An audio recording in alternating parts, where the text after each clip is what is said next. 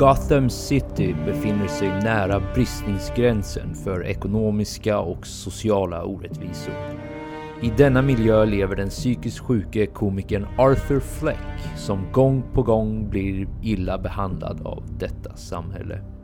Denna påfrestning leder honom på en nedåtgående spiral ner mot galenskap, våld och revolution och tvingar honom slutligen att konfrontera sitt alter ego Jokern. Filmen vi ska prata om idag är regisserad av Todd Phillips och skriven av samme Todd Phillips tillsammans med Scott Silver. I rollerna ser vi bland annat Joaquin Phoenix, Robert De Niro, Zazie Betts, Brett Cullen, Gless Flessler, Leigh Jill, Sondra James och Sharon Washington. Filmen är två timmar och två minuter lång, hade en budget på mellan 55 till 70 miljoner dollar och eh, då den är släppt så nyligen så finns ännu inga Oscars-nomineringar, men filmen har bland annat vunnit Best Film på Venice Film Festival. Idag ska vi prata om Joker.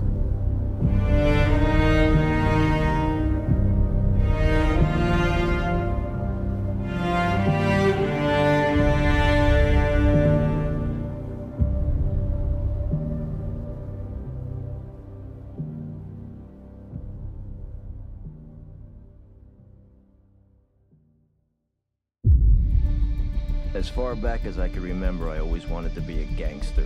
The first rule of Fight Club is you do not talk about Fight Club. Did you eat all this acid? That's right. Music! What is real? How do you define real? Du är leksak! More people than you think, and more people each day. This is a world getting progressively worse. Can we not agree on that? Finns bara ett ord för sådana som du. Och det är ondska. English, motherfucker! Do you speak it? I am the danger. Get away from her, you bitch! Are you not entertained? Are you not entertained? Why so serious? Hello everyone! Och välkomna Hello. till ett nytt avsnitt av Spoiler alert med mig Joel Keskitalo och med mig så har jag Benjamin Gabrielsson. Yes, och eh, idag ska vi prata om eh, den bioaktuella filmen Jokern, alltså inte The Joker utan den heter väl bara Joker va? Eller? Stämmer. Joker. Joker. Ja, exakt. Ja. Mm. Jag valde ju den här filmen Ja, och eh, delvis var det väl för att du hade ju redan sett den här, tror jag, när jag skulle välja den. Eller om eh, du skulle åtminstone se den före mig, jag kommer inte riktigt ihåg hur det var. Men trots det, eh, vare sig du hade sett den eller inte, så hade ju hypen redan börjat byggts upp. Ja. Och eh, man försöker ju dodga hypen så mycket som möjligt, men det var liksom som att det ändå sipprade igenom. Inte i spoilermässigt, utan den var bara väldigt omtalad. Och jag, jag liksom satte mig aldrig in i vad det snacket handlade om, utan jag bara såg Joker, liksom så här, ja, mycket snack om Jokern och så vidare. Eh, så jag tänkte att, eh, wow, okej, en snackis, eh, kommer säkert vara intressant. Men så var det också länge sedan vi poddade om en biofilm. Ja, kommer du ens ihåg vad senaste var? Nej, jag försöker komma på nu. Jag bara, nej, nej, det gör jag inte. Kan det ha varit typ så här, eh, ja men eh, jag börjar fundera på om det var under vår Oscar-period, kan det ha varit så länge sedan? Ja, det måste det ha varit. Det måste det verkligen ha Typ Vice och, Ja, och typ Green, Green Book kanske. får jag... Ja, den Kan det också. vara en Det, var nog den perioden. Ja. Oscarsperioden. Det låter ju rimligt i alla fall att det var då vi Ja. gick på biomassa och poddade. Det, det stämmer. Ja men exakt. Så, så det var en av anledningarna ärligt talat, att det vore kul att, eh, ja men bara ta en som är väldigt aktuell helt enkelt. Mm. Eh, så ja, på den vägen var det. Kul! Ska du köra lite spontana tankar nu när du är igång eller? Ja men det kan jag väl. Alltså jag är framförallt också intresserad av att höra vad du tycker, för du kommer få dela upp det här, för du gick ju två gånger. Ja. Du följde ju med mig när jag skulle gå på den. Eh, och, eh, ja men spontana tankar så direkt efter är ju att jag var ju helt blown away. Ja, vänta, för du gick ju inte i Berlin som utlovat, eller hur? Nej, precis. Nej. Eh, det blev ju inte så, för så här, mycket annat kan hända när man är i Berlin. Så bio, så här, Oh, ja. det, det, blir, det, ja, men det blir ju att eh, bio inte får högsta prioritet direkt. Nej. Så ja, nej, det, det blev tyvärr inte så. Så min tanke var ju då att eh, kunna återvända från Berlin och ge dig mina tankar, men det blev ju inte så, vilket gjorde att du hängde med mig istället. Så som sagt, du kommer få berätta dina dubbla reaktioner tänker jag. Men Mm.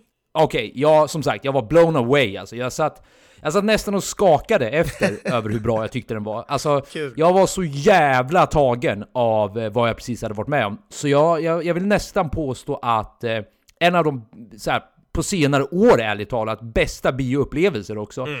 Eh, den, den, den, eh, den bästa liksom in på det som jag kan komma på, det var när jag och Johan Shoutout till Johan uppe i Umeå. Engström. Eh, såg på Arrival, exakt. Och eh, vi, vi visste inte vilken film vi hade gått in på. Vi trodde att vi hade gått in på den andra rymdfilmen som gick just då. Och vi blev ju helt blown away då också. Det påminner mig om den känslan här, fast nu visste jag ju vilken film jag skulle se, men nej, bara för att runda av min, mina spontana här. Blown away alltså. Så, så jävla härlig upplevelse. Ja, vad kul. Kul, kul, kul. Jag, eh, ja men som du säger, två gånger såg jag den. Jag såg den först med ett litet kompisgäng, då, då sa ju du nej till den biovisningen för att du skulle, du hade lovat att du skulle se den med Oscar i Berlin då helt enkelt. Ja, exakt. Så jag gick med de polarna och det var supertrevligt. Det var otroligt eh, bra upplevelse. Jag var helt så här, euforisk efteråt, precis som du var också låter det som. Och jag var verkligen så taggad och eh, ja, super, super positiv till filmen.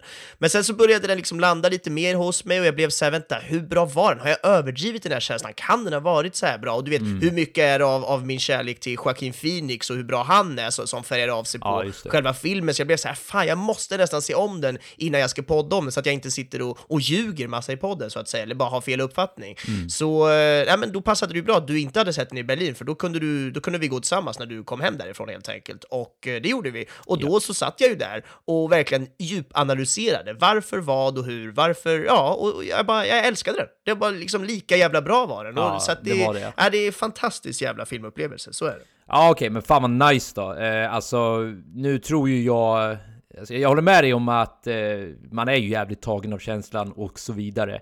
Men eh, jag tror inte att jag kommer se den en andra gång för att kunna bekräfta det. Dels har jag dig nu som kan bekräfta det, men jag tror verkligen att eh, ja, den hypade upplevelsen man hade efter verkligen Ja, det är det jag tänkte vi ska gå in på lite. Mm. Alltså, handlar det här mycket om att eh, vi, kan, vi kan dyka rakt in på filmen tycker jag? Ja, vi gör det. Eh, och eh, då kan jag väl segwaya in oss i hur den här filmen är gjord. För det jag vill försöka lyfta upp lite här nu är att både du och jag är ju fans, skulle jag vilja säga, av den här sortens film. Mm. Eh, och med det, vad menar jag med det då? Jo, alltså det, med det menar jag det här mörka, det här, ja men vi har använt ett ord trovärdigt tidigare. Ja. Eh, det här realistiska och inte i den bemärkelse att man har en handhållen kamera utan det känns helt enkelt som att man är, man, man är med i det här samhället som de försöker rita upp. Det känns inte som att det är sci-fi liksom, att du är okej, det här är liksom en funny ride som vi rider på nu, men det här skulle liksom aldrig kunna ske i verkligheten.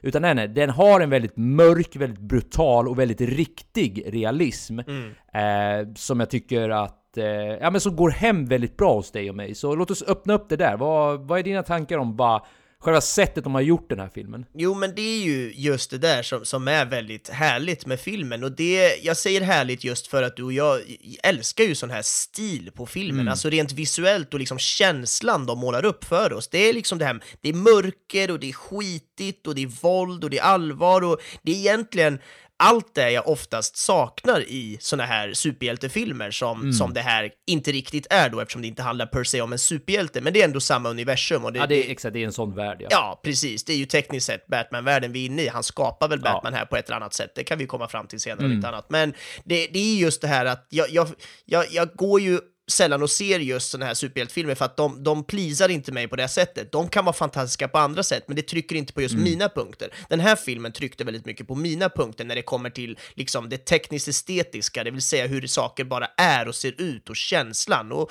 nej, men det är någonting som du är inne på där med det här mörka, skitiga och realismen för, för lack of a better word. Men det är verkligen, nej, otroligt härlig stämning att vara inne i den här filmen, det måste jag säga. Ja, och, och så, så här, man kastas ju verkligen in i det också. Alltså ungefär som, och nu ska jag verkligen anstränga mig att inte göra allt för många liknelser med The Dark Knight-filmen, det vill säga Christopher Nolans eh, eh, en del i den Batman-trilogin där. Det finns dock poänger och så här, liknelser man kan dra, men det jag vill säga här är att där lyckades de också göra ett intro som dels introducerade huvudant vad säger man, antagonist, jag vet inte hur man säger det på svenska. Antagonisten. Antagonisten. Eh, på ett sätt som, ja du vet, man bara kastas in i det och du vet, man är med på noterna. Det behövs liksom inte mer än såhär, okej okay, jag, jag, känner den här karaktären nu. Mm. Den här har ju inte riktigt samma, för det första är ju Nolans introscen mycket längre. Eh, men för det andra så skulle jag vilja påstå att hela den här filmen är ju mer av en backstory än vad Ja. Nolan-filmerna. Den Jokern dyker ju upp från ingenstans, vilket passar jävligt bra i den kontexten. Men det jag vill bara lyfta fram här är... Ja, men de filmerna handlar ju om Batman, den här filmen handlar om Jokern. Det är väl det enkla sättet Ja, att exakt. Det på. det är en bra distinktion man ändå kan dra från början. Visst, en uppenbar distinktion, men Ja. ja, absolut. Eh, alltså det jag menar är, på bara typ tre eller fyra minuter så är man hooked. Och de sätter tonen direkt över, alltså jag tänker på när eh, Joaquin Phoenix då, Joker-karaktären, står med skylten där och dansar runt lite och hur den blir tagen från honom. I filmens första fem minuter så introduceras vi till hur ja, men hur, hur, troubled, hur disturbed, hur synd det egentligen är om den här mannen. Så i och med att man vet att det också handlar om Jokern så blir man direkt, alltså det blir ju gripande i och med att man vill ju då se, man inser från början, okej det här är i grund och botten en väldigt sympatisk figur. Det här är liksom inte den massmördaren och den galningen och den psykopaten som, du vet, som är Jokern, som man känner Jokern som. Nej, nej. Det här är något annat. Det här är en bruten, psykologiskt eh, liksom skadad och väldigt utsatt figur som egentligen bara vill få världen att skratta. Liksom, han är genuin med att han, han, han vill fungera i den här världen liksom. Så på fem minuter kastas vi in till den här sortens karaktärsbeskrivning. Alltså bara, du förstår du vilken bra vilken bra hook det är.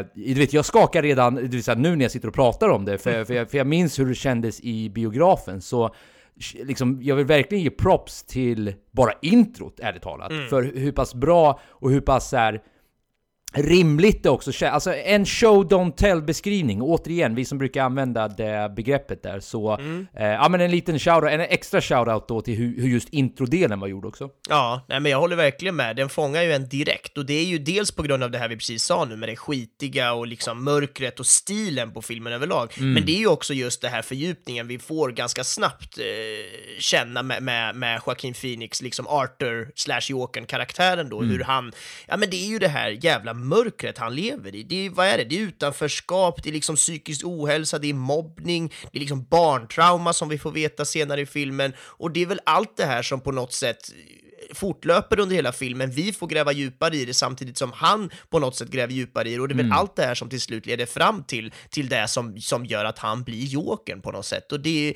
ja, det är ett jävla mörker som är otroligt spännande och, och tragiskt såklart att ta del av. Men det, det förklarar ju så mycket, för jag som inte är så insatt i superhjältevärlden har ju, jag har ju sett Jokern i hur många olika tappningar som helst känns det som. Men jag har alltid bara sett Jokern, punkt. Här har du galningar som skrattar och är liksom massmördare. Men att få den här, du vet, fördjupade backstoryn i hur kan det ens bli så? Skulle det här kunna vara så det kanske eventuellt, att, att han har blivit så här galen tack vare det här sättet att leva på och allt som har hänt. Så att det, nej, men jag tycker det, det är, som du är inne på, helt fantastiskt sätt av, av filmen att göra det här på och nej, underbart eh, jävla resa vi får följa med på här, så är det ju. Eh, alltså det som gör det här möjligt från första början är ju hur, eh, ja men det är ett tecken på hur väl, eh, hur välskriven och så här, fortfarande mysterisk karaktär Jokern är. Eh, och och jag, jag tvekade där när jag skulle säga välskriven, för sanningen är att det finns ingen backstory om Jokern. Det är liksom en del av hans det. mysterium. det. Ja. Det, det finns olika tolkningar på det, där andra har liksom valt att fylla i deras, eh, ja men du vet så här, så här skulle det typ ha kunnat se ut. Ja. Men börjar man läsa, vad ska man säga, DC Comics officiella Wikipedia. Då, då är det liksom, eh, det är tydligt där att Jokern har, alltså det är väldigt diffust. Flera gånger säger till och med Joker-karaktären att om jag har ett eh, förflutet så önskar jag att det skulle vara eh, multi-choice theory eller något sånt där säger han. Det- Det vill säga att till och med själva karaktären påstår att "Ja, ja men ni kan väl hitta på vilket slu eller vilken början som helst till mig. Det här är ju för övrigt någonting som också lyfts upp väldigt snyggt i eh, Nolan-filmen. Ja. Eh, ta en shot nu, det är andra gången jag gör jämförelsen. eh, då, vad heter det, då ändrar han ju sin berättelse hela tiden. Han, han säger hela tiden do you, do you wanna know where I got these scars? Ja, och han har typ fyra olika versioner av det. Mm. Vilket, och du vet, när polisen försöker beskriva honom såhär no name, eh, såhär, no address, Mm. no fingerprints. Han är helt ett jävla eh, såhär, mysterium. Så min poäng är i alla fall att det, det finns ju en lucka här. Mm. eh, Ett utrymme man kan utforska genom att fylla i sin egen tolkning och säga ja ah, men vadå, titta på det här. Skulle det här kunna vara en rimlig version? Ja, precis. Och det är väl det de har gjort då i den här filmen antar jag, på ett väldigt spännande sätt. Deras tolkning och deras eh, version på hur, hur det skulle kunna ha blivit en Joker, om det nu är den här Jokern som, som är i Batman-universumet på olika sätt. För det finns ju många teorier om att det här kanske inte är exakt samma Joker boken eh, heller. Så att det, äh, men det finns väldigt mycket spännande att, att bolla kring Mm. här nu. Du, jag skulle bara, innan vi, eh, innan vi går in på, eh, innan vi går vidare så skulle jag bara vilja fråga dig, eh, tillbaka till hur själva filmen var gjord. Mm. Eh, mina jag måste bara fråga dig, vad tycker du om våldet i den här filmen? Jag tycker det är fantastiskt. Det är kanske konstigt att säga fantastiskt till våld, men jo, men det är det ju. Vi har ju pratat om det förut, hur vi ändå tycker att våld på film är viktigt på, av olika anledningar. Och jag, jag tycker, när våld görs bra, när det görs realistiskt och eh, inte too much in your face på något sätt, så tycker jag det kan bli väldigt, väldigt slagkraftigt på ett, på ett positivt sätt. Och det tycker jag de lyckas med här. Att det är, det är brutalt våld som är jävligt blodigt, men det är verkligen inget överdrivet liksom splattervåld där vi i scen efter scen får se folk bli styckade på något sätt som man ser i väldigt många andra filmer, utan jag tycker de håller sig till en väl, eh, ja men hårfin balans som ändå är väl avvägd för att det känns rätt. Och, nej, jag, jag, jag tycker det är jättebra våld helt enkelt. Ja, för när väl, för sanningen är att det är ju inte, alltså det blir ju mer våldsam as the movie goes on, men jag skulle vilja säga att det är ju inte jättemycket våld liksom, om man Nej. tar hela filmen. Eh, det är våldsamma situationer, men det går liksom sällan över, alltså, som sagt, det eskalerar ju mot andra halvan av filmen. Men när det väl är våld, det är då det känns, för mig i alla fall, som att det verkligen är våld, om du förstår vad jag menar. Alltså det känns som att den här sortens våld får konsekvenser. Och nu blir det väl också en liten jab mot så här vanliga Marvel-filmer. De, de försöker inte göra det här jobbet. Alltså det, är inte, det är ju inte så de filmerna är strukturerade, så det är inte en kritik per se, men bara för att fylla på lite där du sa Ja, men det är förut. en annan stil helt enkelt. Precis, det är en annan stil helt enkelt. Och Mm. där får man ju känslan av att våldet inte betyder speciellt mycket. Alltså stundtals Nej, får 40 man 000 där... pers kan ju dö utan att någon bryr sig. Inga konstigheter. Eh, och ja, som sagt, bara to be fair till de här Marvel-filmerna. Ibland får det konsekvenser och de tar upp saker och det är intressant när de väl lyfter upp det. Ja, Men till ja. majoriteten så går ju sånt förbi. Så det är ju väldigt uppfriskande då, som du sa tidigare, när den här tolkningen görs och våld faktiskt eh, betyder någonting. Mm. Alltså konsekvenserna för dels liksom resten av samhället, det här dyker upp på nyheterna, folk, det ökar till den allmänna oron. Du vet, folk börjar klä ut sig till Joker. Ja, Du vet, det får ju verkligen samhälleliga konsekvenser. Men det får ju också psykologiska konsekvenser. Alltså det är ju lite där, och det här blir väl vår segway in på porträtterandet av Jokern antar jag, men det här blir ju lite hans egna, vad ska man säga, know yourself-resa. Man skulle ju kunna hävda att det är ju efter de här skotten som hans eh, det här slår mig nu för övrigt, jag har inte riktigt tänkt klart den här tanken, men jag tänker jag bollar fram till dig att eh, det är ju när han börjar bete sig på det här sättet, när han blir mer våldsam, som han inser någonting om sig själv. Visst är det det? Han får någon insikt där, och så, du vet, är det som att hans självupptäckande resa får någon sorts annan... Eh, han stepper up a level, så att säga. Ja. Förstår du vad jag menar? Ja, absolut. Det tror jag verkligen. Och jag tänker att det, det handlar väl lite om det här med att hans enorma utanförskap och hans, hans nästan osynliga personlighet jämfört med resten av, av världen han lever i. För det är så han uttrycker det någon annan gång, att ni, skulle jag ligga död där på marken skulle ni inte ens bry er, ni skulle bara gå förbi Nej. när han pratade i tv-sändningen där på slutet om att han har dödat de där tre till exempel. Du, förlåt, får jag avbryta dig? För jag vill- bara läsa upp hans skämt han har om det.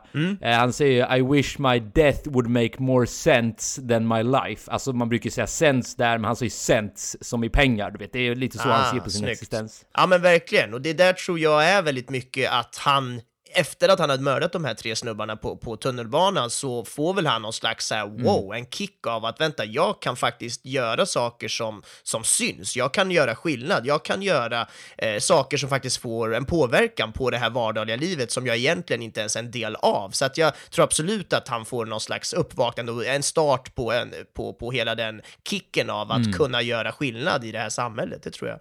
Ja, det är ju verkligen där man ser eh, att han, eh, som sagt, han steppar upp sitt game lite mer och det är också där man ser, eh, du vet, hans tolkning av du vet vad som händer i världen efter versus hur världen faktiskt ser ut efter. Någonting vi Ja. kommer gå lite djupare in senare.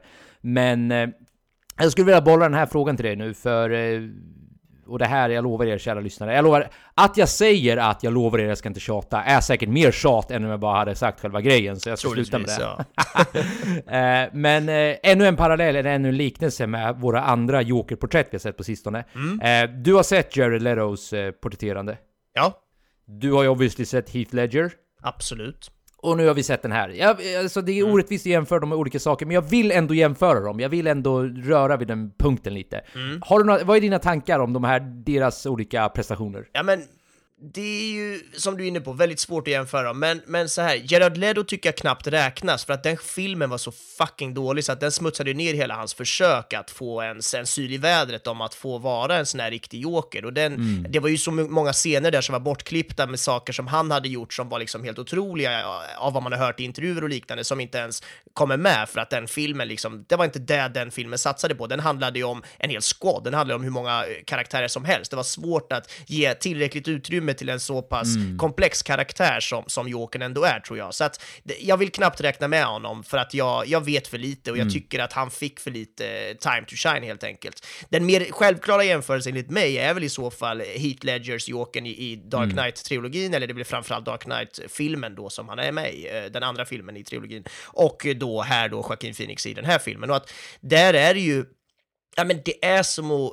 det är någonting jag knappt vill jämföra, för att de är så olika. Och Jokern i, i Dark Knight är liksom en legendar på det sättet. Han fick ju en Oscar efter sin död, vilket typ aldrig hänt förut. Och det är så här, det, det är så mycket, så många lager på det han gjorde. Och han liksom nästan gick in i den karaktären tills att han faktiskt dog, alltså skådisen, av det. Så att det, ja, men det är otroligt vad den är porträtterad på ett speciellt sätt. Och det är ja, det är svårt att jämföra. Jag tycker däremot, om vi bara ska väga över lite till den här filmen då, att, att, att Jokern, alltså Joaquin Phoenix i den här filmen, gör det otroligt jävla bra. Alltså det är ju sinnessjukt, men jag tycker nästan att vi sparar det snacket mer till skådissnacket eh, nu när jag tänker efter. Det ska vi Vad göra. tänker du Eh, allmänt? Ja, det, det jag vill ha sagt med det här bara är, eller det jag vill ha sagt, mitt svar på det du sa är att jag tänker att eh, det som du säger, anledningen till varför man inte kan jämföra de här två också är för att man, man kan inte riktigt jämföra, eller åtminstone inte gradera eh, hur Gotham är i de här olika porträtterandet. För jag ser Joker-karaktärerna i båda de här filmerna som ett sorts respons på den samhälleliga situation som Gotham befinner sig i.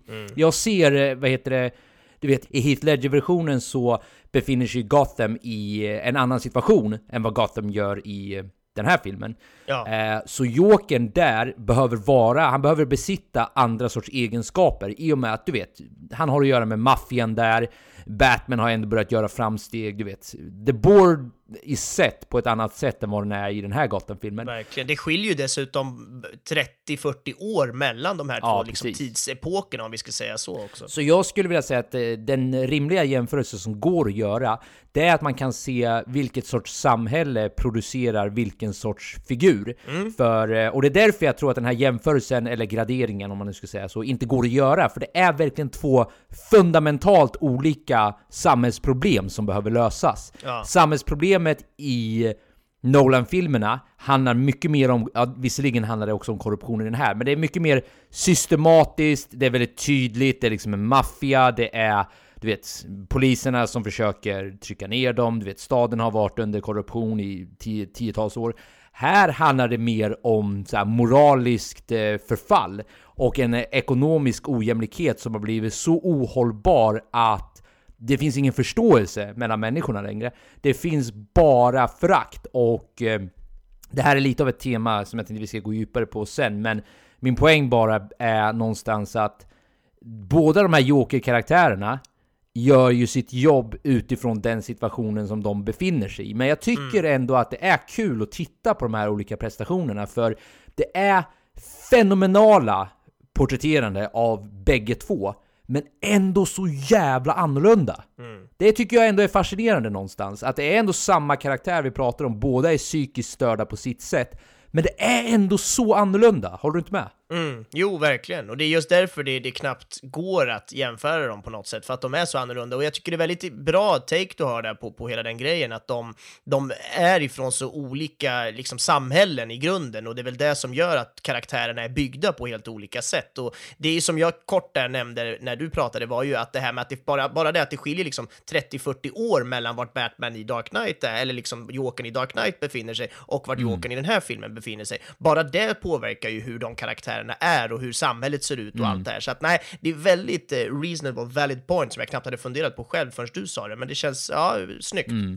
Eh, men en annan punkt, om vi switchar ämne lite grann, Mm. är ju eh, det här med hans, eh, ja men hans liksom vanföreställningar, hans psykiska ohälsa som på något sätt är olika illusioner hit och dit. Mm. Vad händer och vad händer inte har jag skrivit som en punkt här i mina anteckningar. Och det jag syftar på är väl kanske framförallt då ehm, att det finns massa härliga teorier om det här på internet som jag har kollat upp några stycken för att jag själv fastnade i dem och tyckte att jävlar vad spännande det här, det här vill man ju, ja, men du vet ju själv hur det är med såna här härliga Ja, teorier verkligen. kommer fram på en film och så blir man så här, men gud, det här kanske jag inte ens har, har insett och det, det förändrar ju allt och liksom hela den grejen. Så att en, för att ta ett exempel då, en, en sån här tydlig eh, vanföreställning eller illusion i hans vardag som vi även får reda på i filmen är ju hon eh, flickvännen Sophie som inte finns. Ehm, eller hon finns Hon ju. finns ja, men hon liksom- är inte i en relation med honom. Nej, precis. Hon finns ju som att han, hon är hans granne och att de stöter på varandra i hissen. Hon gör något pistoltecken mot huvudet och där då så börjar han bli så här, men shit, hon var ju spännande. Och sen så börjar han då träffa henne, men det gör han ju inte, utan det är ju då vanföreställningar. Så att hon finns, men bara i hans huvud som liksom partner. Och den grejen är ju en, en sån härlig plot twist som kommer mot slutet, eller andra halvan av filmen i alla fall, där vi, där vi får den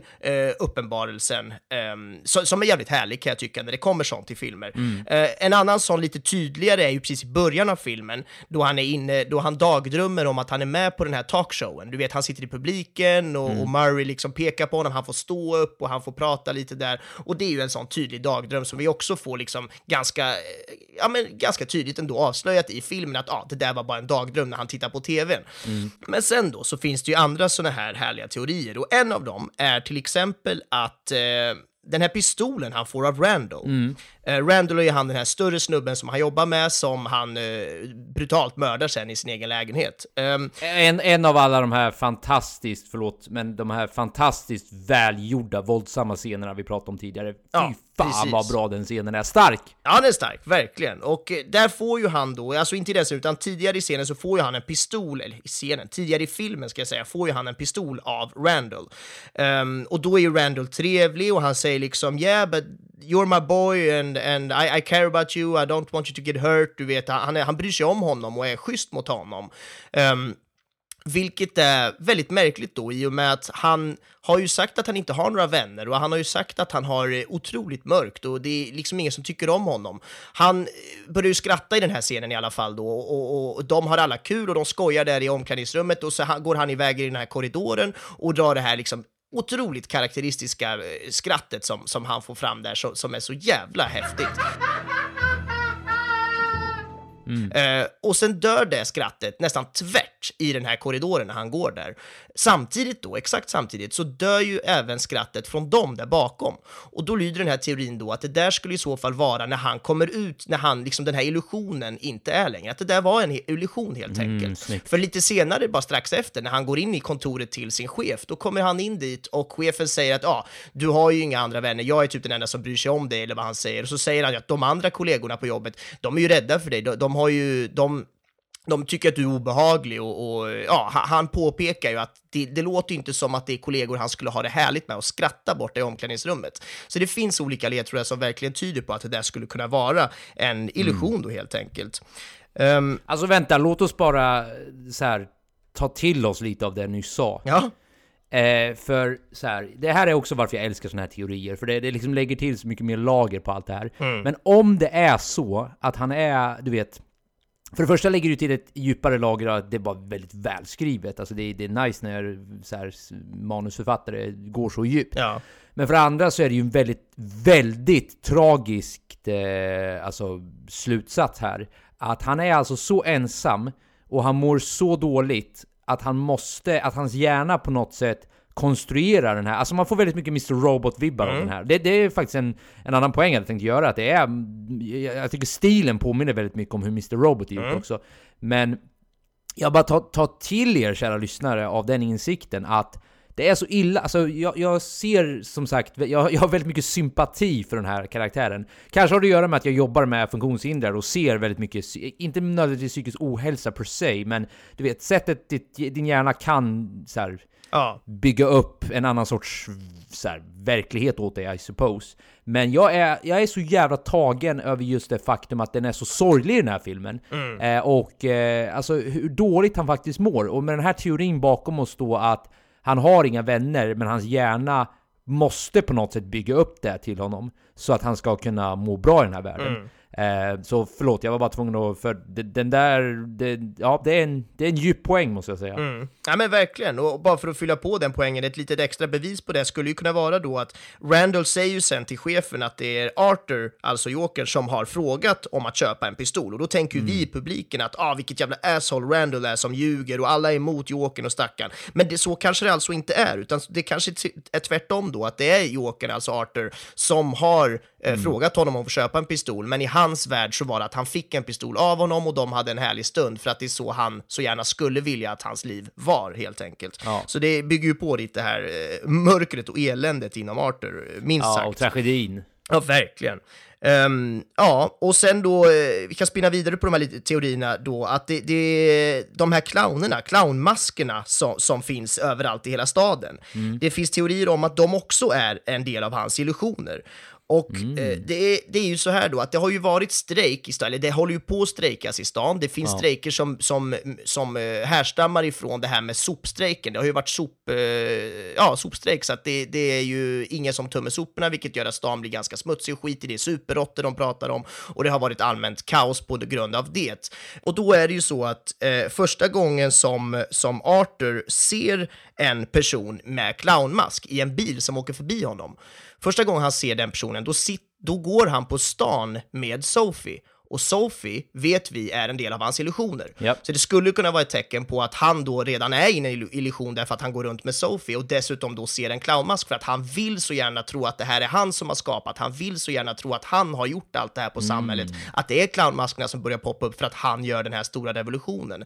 Dessutom så ler han ganska mycket där när han ser den här clownmasken. Och precis som vi pratade om tidigare, när han ler så är det väldigt sällan i filmen han ler och när han väl ler så är det ofta när han upplever saker som han väldigt gärna vill uppleva, alltså illusioner. Ja. För att till exempel när han får pistolen av Randall, eller till exempel när han träffar Sophie, eller till exempel när han får vara med Murray där i publiken och komma ner på scenen och hela den grejen. Så att det är ju ytterligare tecken på att det skulle verkligen kunna vara så att det här är en del av hans illusioner helt enkelt. Ja, alltså en annan grej som skulle kunna styrka det här, eh, Ja. och kanske inte just specifikt den illusionen, men så här bara en mer, ännu en, en eh, iakttagelse över så här skiljelinjen mellan sanning och verklighet.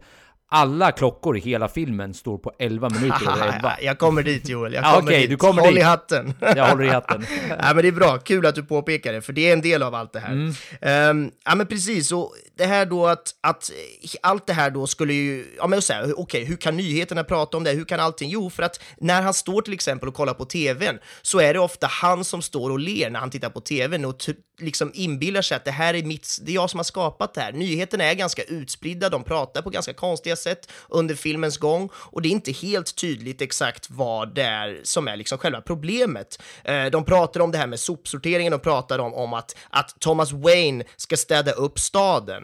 Och det är ju snarare kanske då bokstavligt han menar, städa upp staden från soporna, snarare än att det är liksom allt det här som Jokern har skapat. Så den här teorin då eh, byggs ju på mer och mer. Ehm, dessutom så finns det den här härliga lilla ledtråden. Clownmaskerna som alla har på sig hela tiden. Det är ju samma clownmask som nästan varenda person i hela den här stan har på sig. Det är ganska konstigt. Ja. Och just den clownmasken hänger på Arthurs spegel hemma när han sitter och sminkar sig. Så att det är ytterligare en sån liten härlig ledtråd som skulle kunna vara det att ja, men det är klart han projicerar den masken, för den hänger ju där, så den tänker han att alla har på sig i sin lilla värld när han springer ut på stan. Så att det är mycket såna här små ledtrådar som den här filmen är helt eh, fullproppad med. Ska vi gå vidare lite till då, lite eh, mot slutet på filmen så eh, åker ju han i den här, han sitter i den här polisbilen efter att han har gjort mordet och allting, skjutit eh, eh, Murray på, på liksom tv sändningen och allt det här. Då sitter han i polisbilen och så krockar den då. Och då lyder teorin att det troligtvis är en vanlig krock då, att det, det, det, ja, det kommer en ambulans i hög fart mot den här korsningen där det också åker en polis i hög fart. Det är ju kaos på gatorna för det är ändå demonstrationer, kanske utan clownmask då enligt teorierna, och att det ändå sker en olycka. Han slår i huvudet där i olyckan i alla fall. Det kommer inte göra att hans illusioner blir mindre om man nu säger så. Det, det lär ju skaka till rejält i hans stackars huvud. Och då blir han ju utburen av massa människor eh, från den här taxin. Och det vi får se då utifrån Arthurs perspektiv är ju att det är människor med masker på sig som, är, som liksom säger att ah, här har vi honom, det är han, det är hjälten, upp med honom, nu ska vi rädda honom. Medan då i, i det här troligtvis då enligt den här teorin i lite vanliga världen som Arthur inte upplever eh, så skulle det då kunna vara vanliga människor som bara hjälper honom ut ur den här eh, olycksdrabbade bilen helt enkelt, precis som man gör när någon har varit med om en olycka. Man hjälper någon ut och liksom ska få ut den personen. Strax därefter då så kommer han ju upp på den här bilen, han står på bilen och liksom tittar ut mot hela den här crowden och alla är emot honom med clownmasker och de hejar på honom och det är många som tittar på honom med liksom så här ett härligt nästan, eh, ehm, ja men de ser upp till honom på ett sätt så, som är väldigt tydligt i mångas ansiktsuttryck. Exakt på samma sätt är det väldigt många människor i den där publiken i början när han har dagdrömmen om att han är med på tv-showen hos Murray, som också tittar på honom med samma det där ansiktsuttrycket om att vi ser upp till dig. Precis som att han då väldigt gärna önskar att folk skulle se upp till honom på det här sättet. Mm. En annan sån liten parentes är ju också att det känns underligt att så många människor skulle vara så himla glada på att han har varit ute och, eh, eller att han har varit i en live-tv-sändning och skjutit Murray som ändå är en ganska omtyckt eh, sån liksom tv-personlighet. Att han skulle brutalt ha mördat dem i livesändning och sen även att alla de då skulle så här, heja mm. på att det har hänt. Det är också en sån liten grej som känns konstigt. Det finns en hel del såna grejer i filmen som känns konstiga, som skulle kunna vara förklaringen då just för att det här kanske inte ens händer. Mm. Hur som helst då så kommer vi fram till till slutscenen av filmen. Och slutscenen av filmen, då är det ju um, då sitter han ju i ett liksom psyk, psykrum där, ett så här helt vitt sterilt psykrum med en, eh, en, eh, ja vad heter det, psykolog kanske det heter, framför honom, mm. som ställer frågor till honom då, eller han sitter och pratar. Och hon undrar liksom vad det här, eh, vad är det, varför, varför skrattar du typ? You wouldn't get och, it. Precis, precis. Och om man tittar på den scenen då, så är han ju inspärrad i ett helt vitt rum, i ett förhör uh, av en psykolog. Han som sitter på sitt väldigt typiska uh, Jokern-sätt då, eller Arthur-sätt kanske snarare, med cigaretten i munnen och uh, röker. Och så har han henne framför sig och det är filmat från vänster och Precis, väldigt, väldigt likt är den här scenen med de här mötena som man har mycket i början av filmen med den här eh, socialarbetaren. Mm. Um, och som dessutom råkar vara en mörkhyad kvinna med kort hår uh, av en slump. Och när han sitter då i det här samtalet med henne på slutet av filmen, det här vita rummet väldigt tydligt, um, så pratar ju han med henne. Uh, det är en psykolog, han berättar för henne och uh, han berättar då en historia Eh, enligt den här teorin, så är det att han berättar en historia för henne om att han då tycker att han träffar en, en socialarbetare som inte lyssnar på honom, som inte kommer ihåg allt han säger, för det kommer vi ihåg från de samtalen i början, att han säger någonting, han säger typ “you never listen to me” och hon svarar ju att hon “men you didn't tell me this” och så här. Ja, och det då skulle ju kunna vara en av hans klassiska vanföreställningar, att han blandar ihop de här två personerna, för att det egentligen då är samma person. Han är egentligen inne i en illusion konstant mm. och inte riktigt förstår det.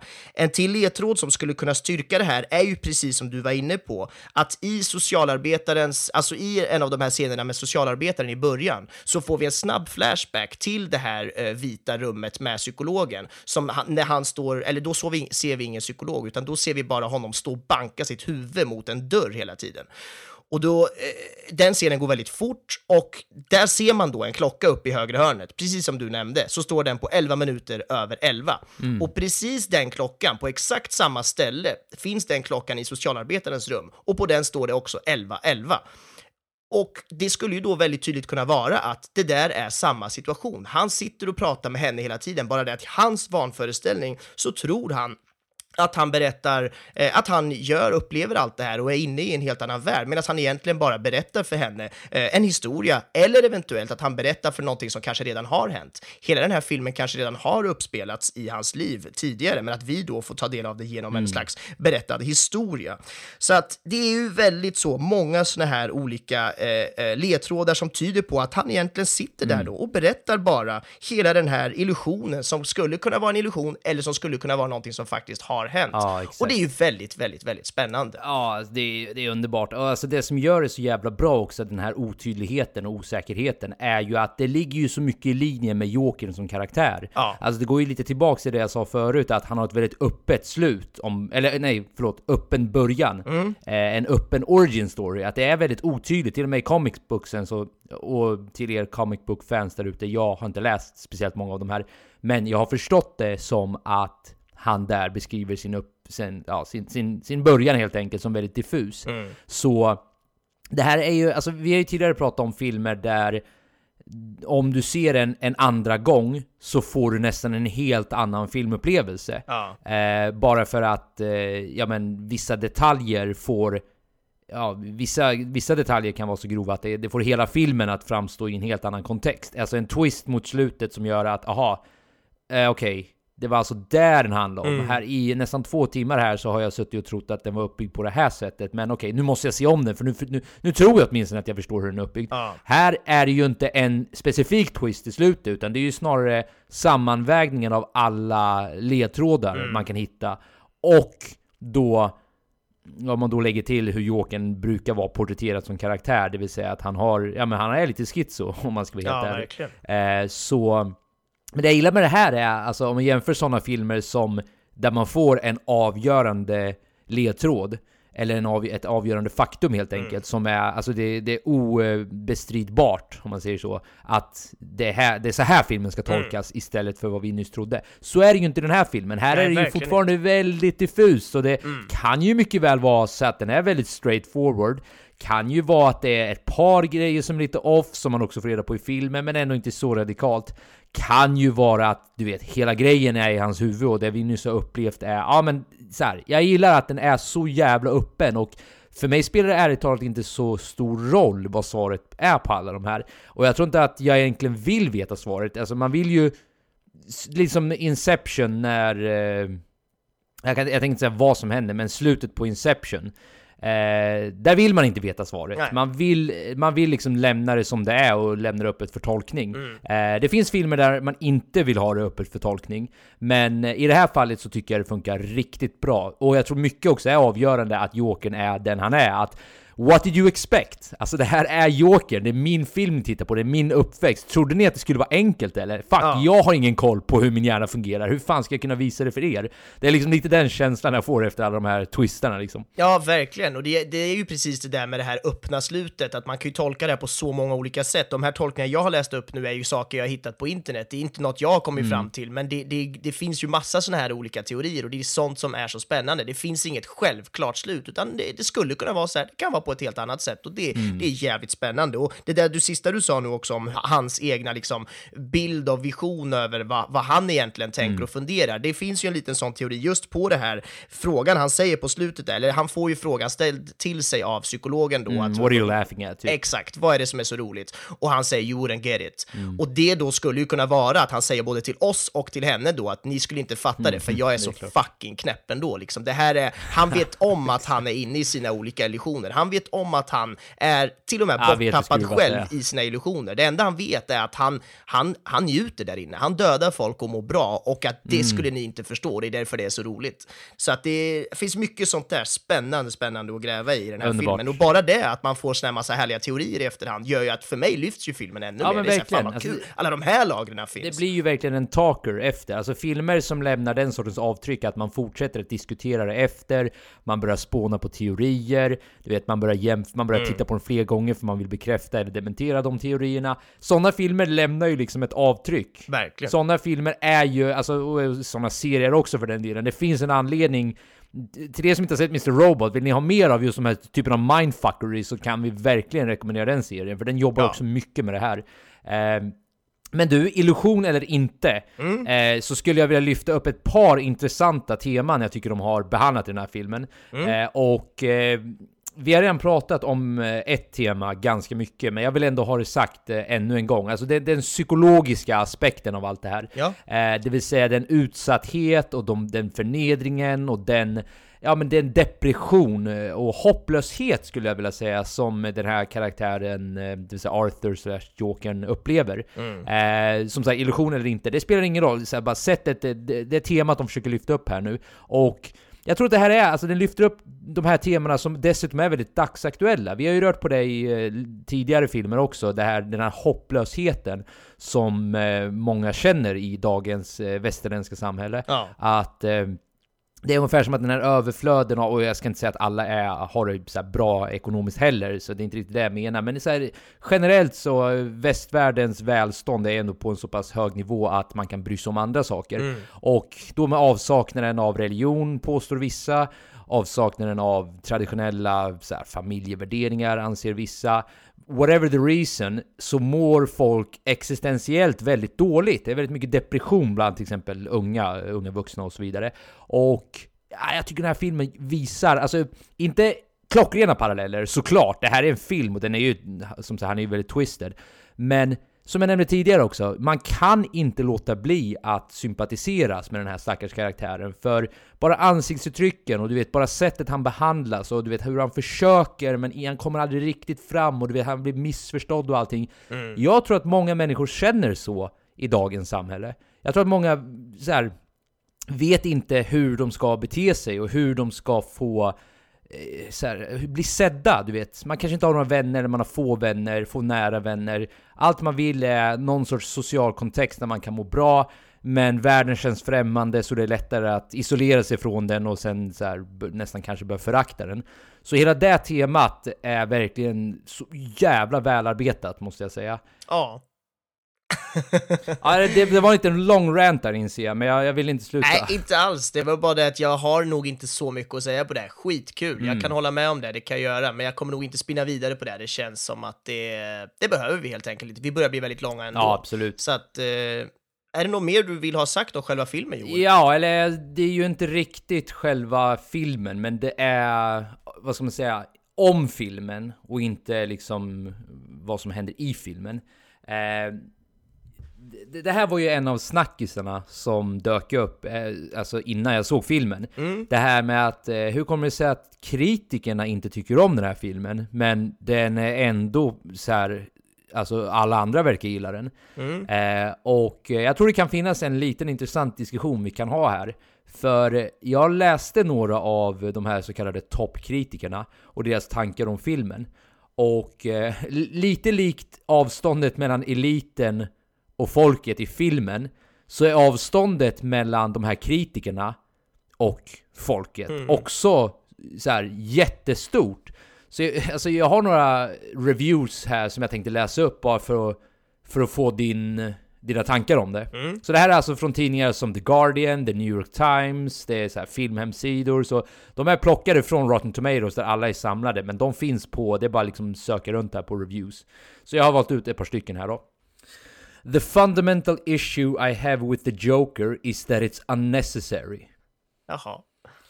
Uh, brutally nihilistic and morally irresponsible, glamorizing and glorifying a nasty maniacal villain, leaving one to wonder if a real threat could inspire a real threat. Ja.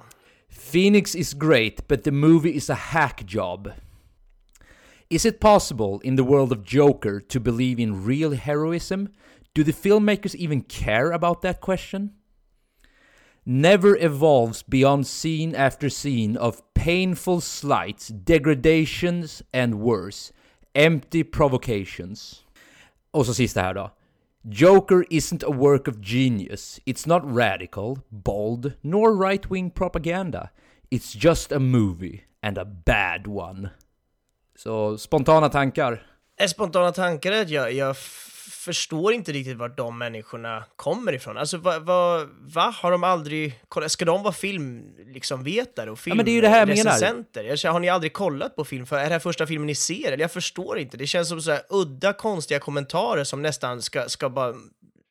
Nej, jag, jag har väldigt svårt att ens förstå vad fan de, hur de kan Ja. tycka som de gör. Ja, men det, det det är därför jag tyckte det var värt att lyfta upp, för det är inte så att så här, det är inte bara att det är fel, det, det är så uppenbart fel. Alltså det är så fel verkligen, och det missar poängen så mycket.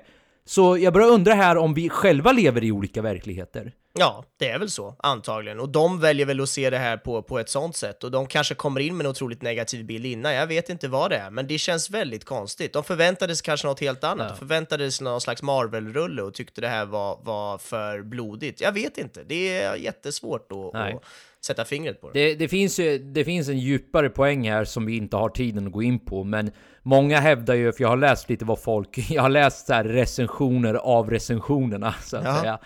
Eh, och eh, jag har ju hört lite vad folk eh, tänker om det här. Och många som är mer insatta i det här så kallade kulturkriget hävdar ju att det handlar om just det, att det handlar om ett kulturkrig här.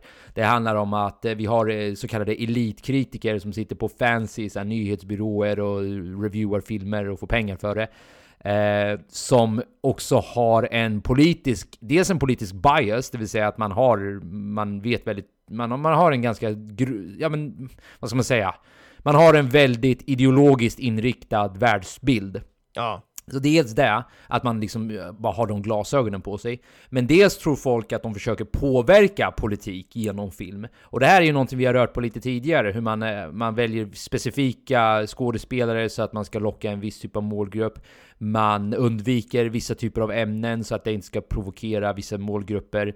Och eh, ja, men du vet, man styr agendan helt enkelt. Again, jag är inte tillräckligt insatt för att riktigt... Eh, ja, det vore kul att sätta sig in i, men det är ingenting jag har gjort än så länge. Men det är ändå intressant tycker jag att det verkar existera det här glappet mellan så kallade filmkritiker och sen, du vet, vanliga människor. Och jag tycker att den här filmen exemplifierar det bäst, ärligt talat. Ja, otroligt. Jag tycker det här är väldigt intressant och det, som du säger, vi skulle kunna spinna vidare massa på det, men det har vi kanske inte tid med. Jag kan bara lägga till att jag var också inne på IMDB istället och kollade, för de har ju en sån metascore som det kallas, där det är filmkritiker på olika tidningar som röstar och sen har de det vanliga scoret som är liksom eh, vem som helst, de har en användare då som får rösta på. Och den metascoren då var mycket, mycket lägre än den andra scoren och så tänkte jag, vad fan, what's up? Och så var jag in och läste och alla de som hade gett dålig kritik där då var framförallt så här äldre gubbar som jobbar på kända amerikanska stora tidningar, typ så här New York Times och liknande. Och det kändes som ett så tydligt mönster att det var så här, "Jaha, va- varför, va, vad gick ni och förväntade er för film? Eller varför tycker inte ni om Ja. den här? Eller varför kommer ni just därifrån? Nej, jag vet inte, det kändes bara Är det väldigt ett generationsglapp kanske? Ja, men kanske, jag vet inte.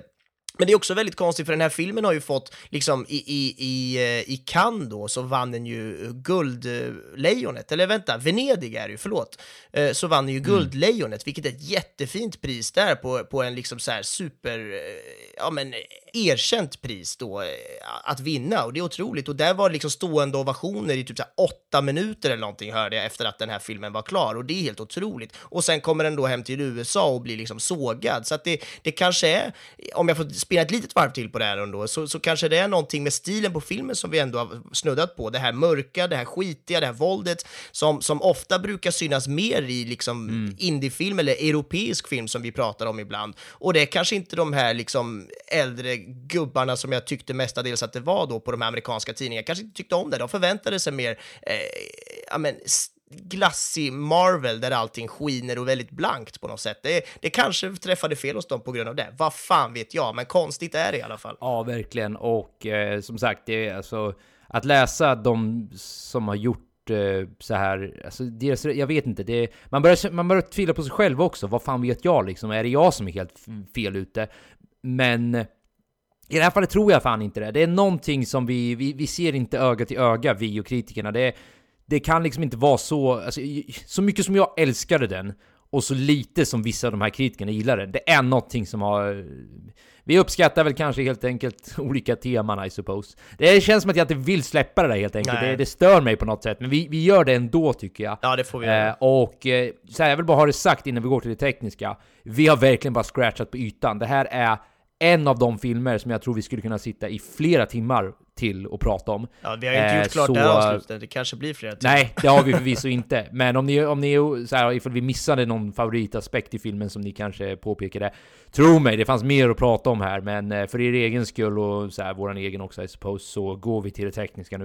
Det gör vi. Det kommer bli ett långt avsnitt hur som helst, men det bjuder Ja. vi på, så får vi se Det istället. bjuder vi på, ja. Ja, härligt. Eh, ja, men tekniskt då så är den filmad digitalt med en Arri Alexa 65, eh, en av deras större eh, digitala kameror, väldigt bra. Och eh, det är så att de ville filma den här eh, filmen analogt med film, men de fick nej från de här stora bolagen då som sa att nej, vi har inte råd. Eh, och det kan man tycka är konstigt, för de har ju ändå ganska bra med pengar, men så är det. Även de liksom, produktioner som har mycket pengar måste dra ner på vissa saker och då fick de inte lov att filma med film i alla fall. Men det de gjorde då för att ändå få fram någon slags lite äldre och, och, och så eh, mer eh, ja, men äldre känsla på filmen som man ändå tycker ses eh, i filmen, det är att de printade ut den här på, på 70 mm negativ ändå. Det betyder att du sparar filmen digitalt, spelar in den digitalt, Eh, gör en slags färgkorrigering på det som får den här lite äldre, gamla, eh, äldre känslan och sen då så printar du ut den på 70 mm film så att du ändå får den i film sen. Så att den fanns ju i det här gamla klassiska, liksom jättebredbildsformatet 70 mm.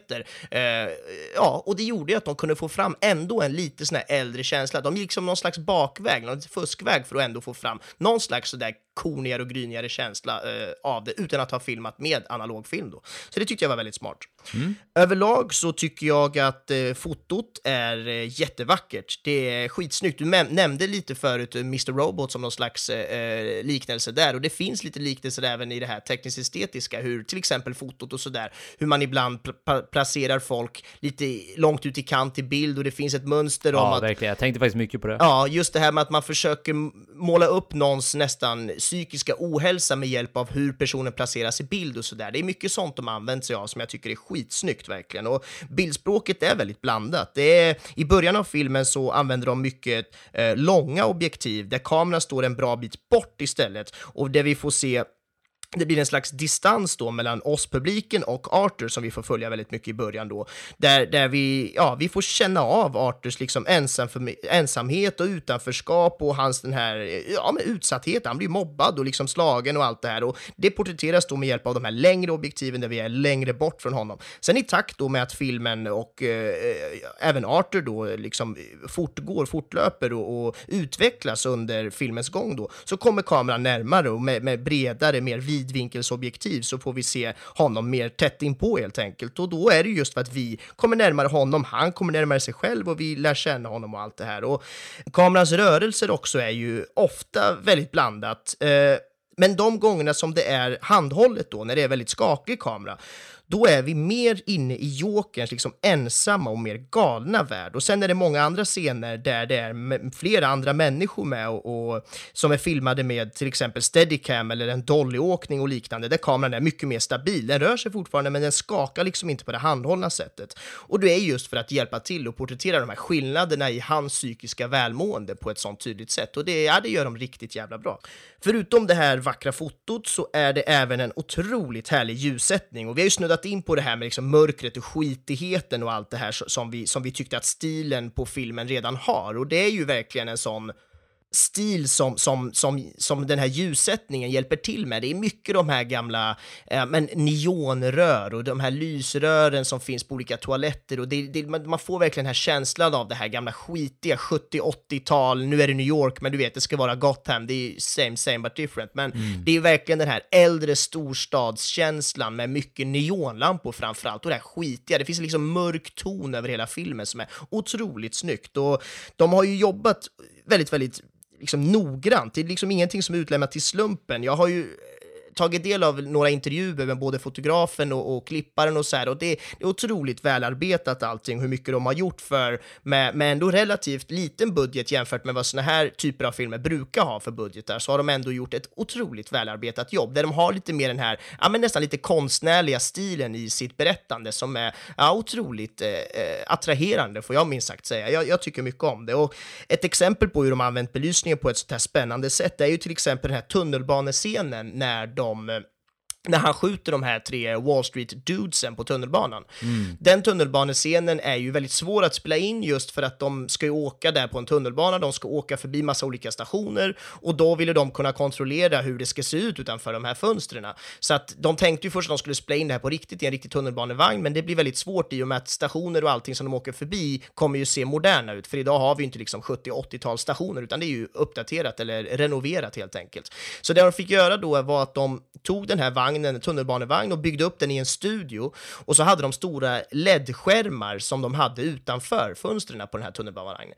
Eh, så att då fick de gå runt på olika stationer. Det finns ett par stationer fortfarande i New York som ser sådär riktigt gamla ut, som inte har blivit helt upprustade än. Och då kunde de gå runt på dem och ta massa, massa, massa stillbilder med stillbildskameror. Så att de kunde fånga hur, det, hur de stationerna såg ut och sen då lägga in det i datorn, göra allting rätt så att det såg perfekt ut och sen då spela upp det på de här LED-skärmarna utanför fönstren på den här tunnelbanan inne i den här studion då. Så att de helt Fy själva skulle kunna Ja. kontrollera hur de ska liksom Det styra allt det här.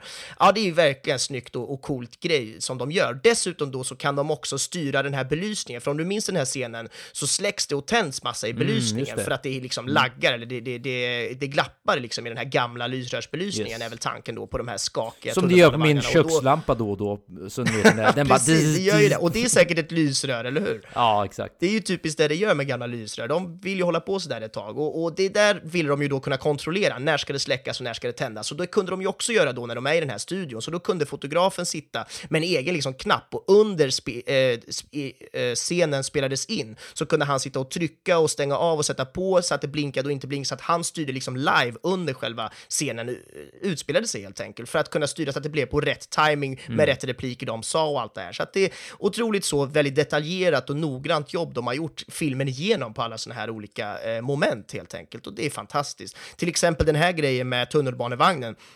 Det fick de inte heller göra för att det kostar alldeles för mycket att köra, liksom göra allt det här med LED-skärmar utanför och bla bla bla, så det fick de nej på. Men det ville de så gärna ha, för det här var så viktigt för dem att kunna kontrollera den här scenen på rätt sätt. Så det de gjorde var att de jobbade i kapp så att de kunde stryka en eller två, jag kommer inte ihåg om det var en eller två, men en eller två arbetsdagar då på det här inspelningsschemat. Så kunde de stryka de dagarna, spara lite pengar på det sättet och sen då få lov av bolaget att kunna göra den här scenen för att kunna ja, ha den här stora vagnen inne i en studio och spela in med LED-skärmar och allting. Så att man, man man får ju ge och ta lite grann på en sån här produktion och det, ja, det har de gjort fantastiskt bra. Mm.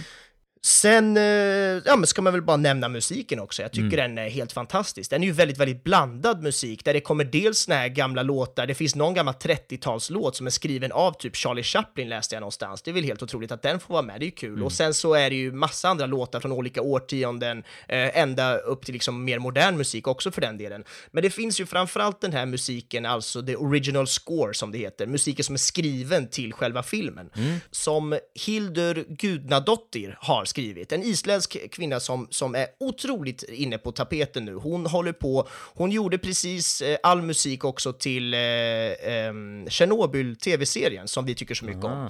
Så det är hon som har verkligen Som typ hela världen tycker om. Det vi har men träffat verkligen, någon som exakt. inte har Den serien tycker väl alla om känns det som. Och nu den här filmen då eh, kommer ju många prata om också, så att hon är nog eftertraktad, minst sagt, det skulle jag vilja säga. Mm. Hur som helst så tycker jag den är väldigt, väldigt vacker. Det är mycket stråkar, det är mycket, du vet, cello, hennes instrument som hon spelar mycket i sina olika filmer hon har gjort, är cello framförallt. Och det, det är härligt, det finns det här liksom mörka, nästan dallrande ljudet i de här cellostråken som kommer och det är otroligt starka scener när, när det är nästan lågmäld musik men som ändå är väldigt sådär mörk och vaggar in oss i, i liksom Joaquin Phoenix mentala inställning och allt det. Ja, en av de scenerna är ju när han står och dansar framför en spegel.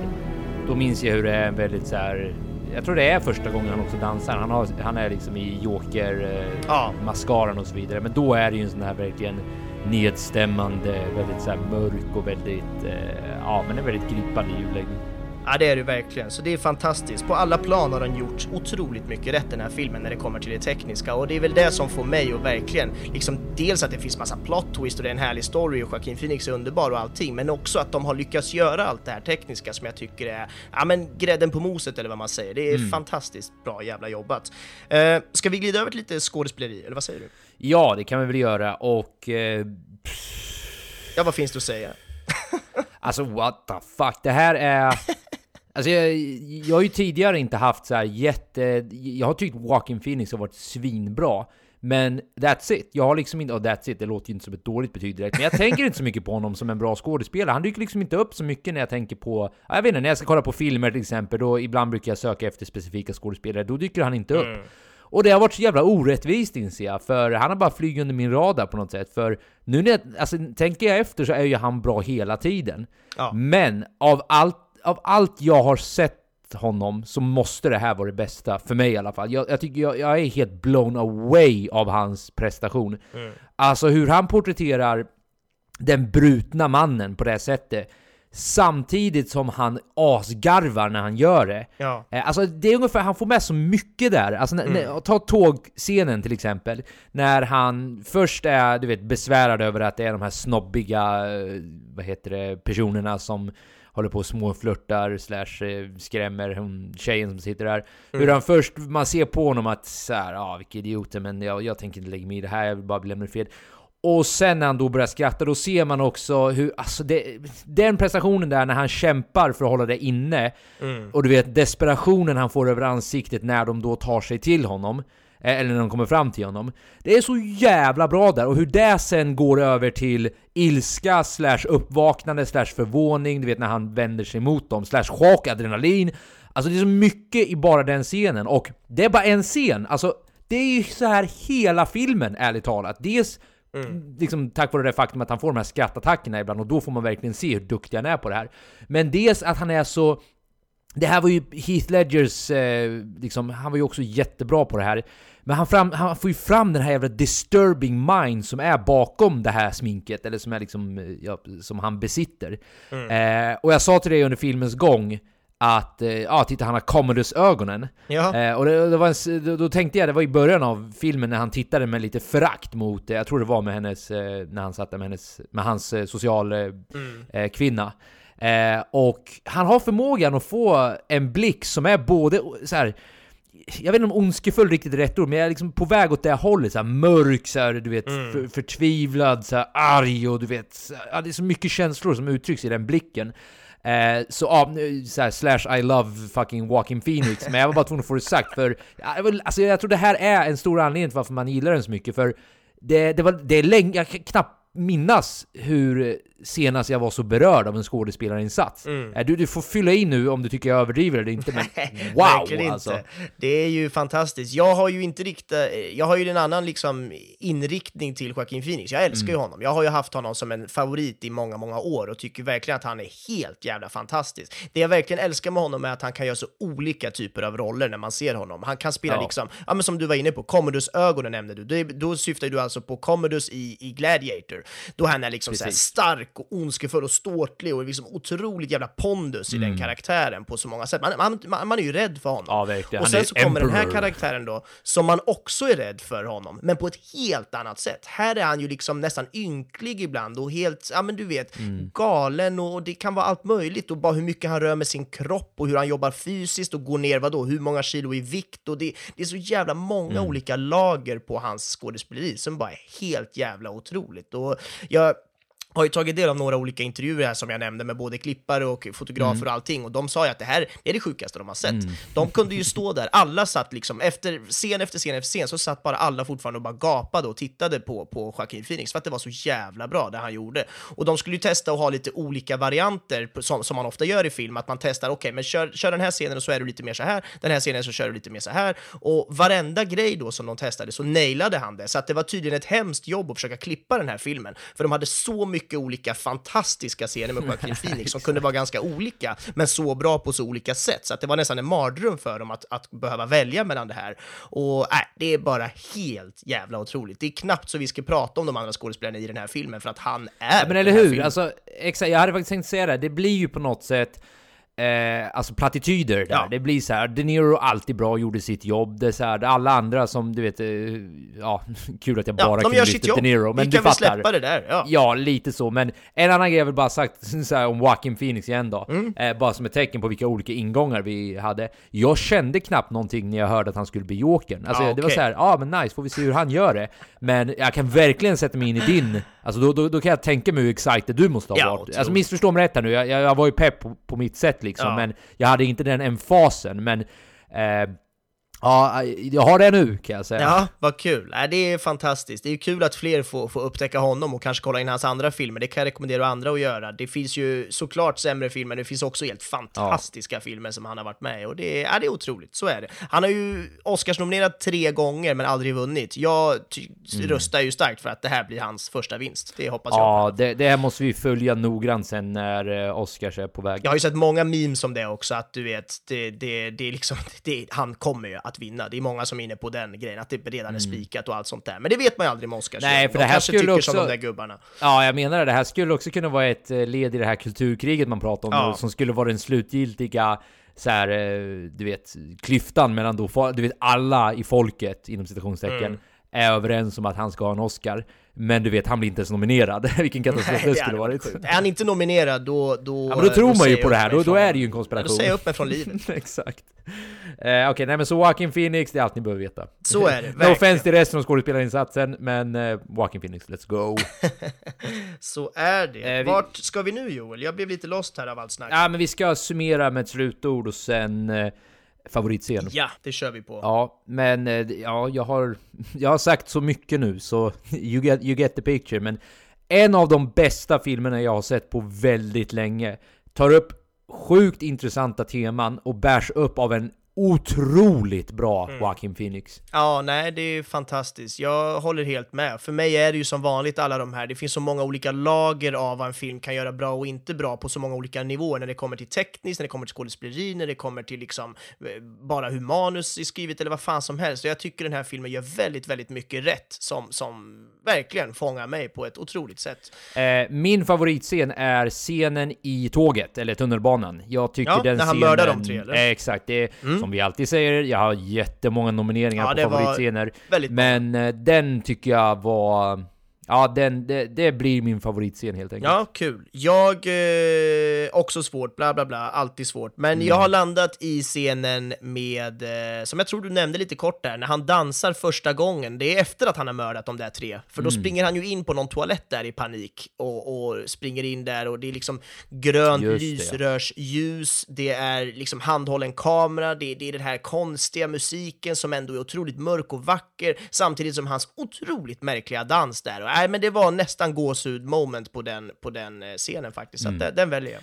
Okej, eh, då innan vi rundar av så tänkte jag läsa upp lite roliga fakta som jag hittat på IMDB. Ja, kul. Eh, och lite som filmen också så var de här så jävla bra ärligt talat. Så jag, jag hade svårt vilka jag skulle välja ut. Det blev många här nu som kretsade Mm. kring Joaquin Phoenix, men ni kommer förstå varför. Men jag rekommenderar verkligen att gå in på IMDB, sök på filmen, scrolla ner lite, leta efter trivia, så kommer ni att hitta jävligt mycket roliga fakta helt enkelt. Ja.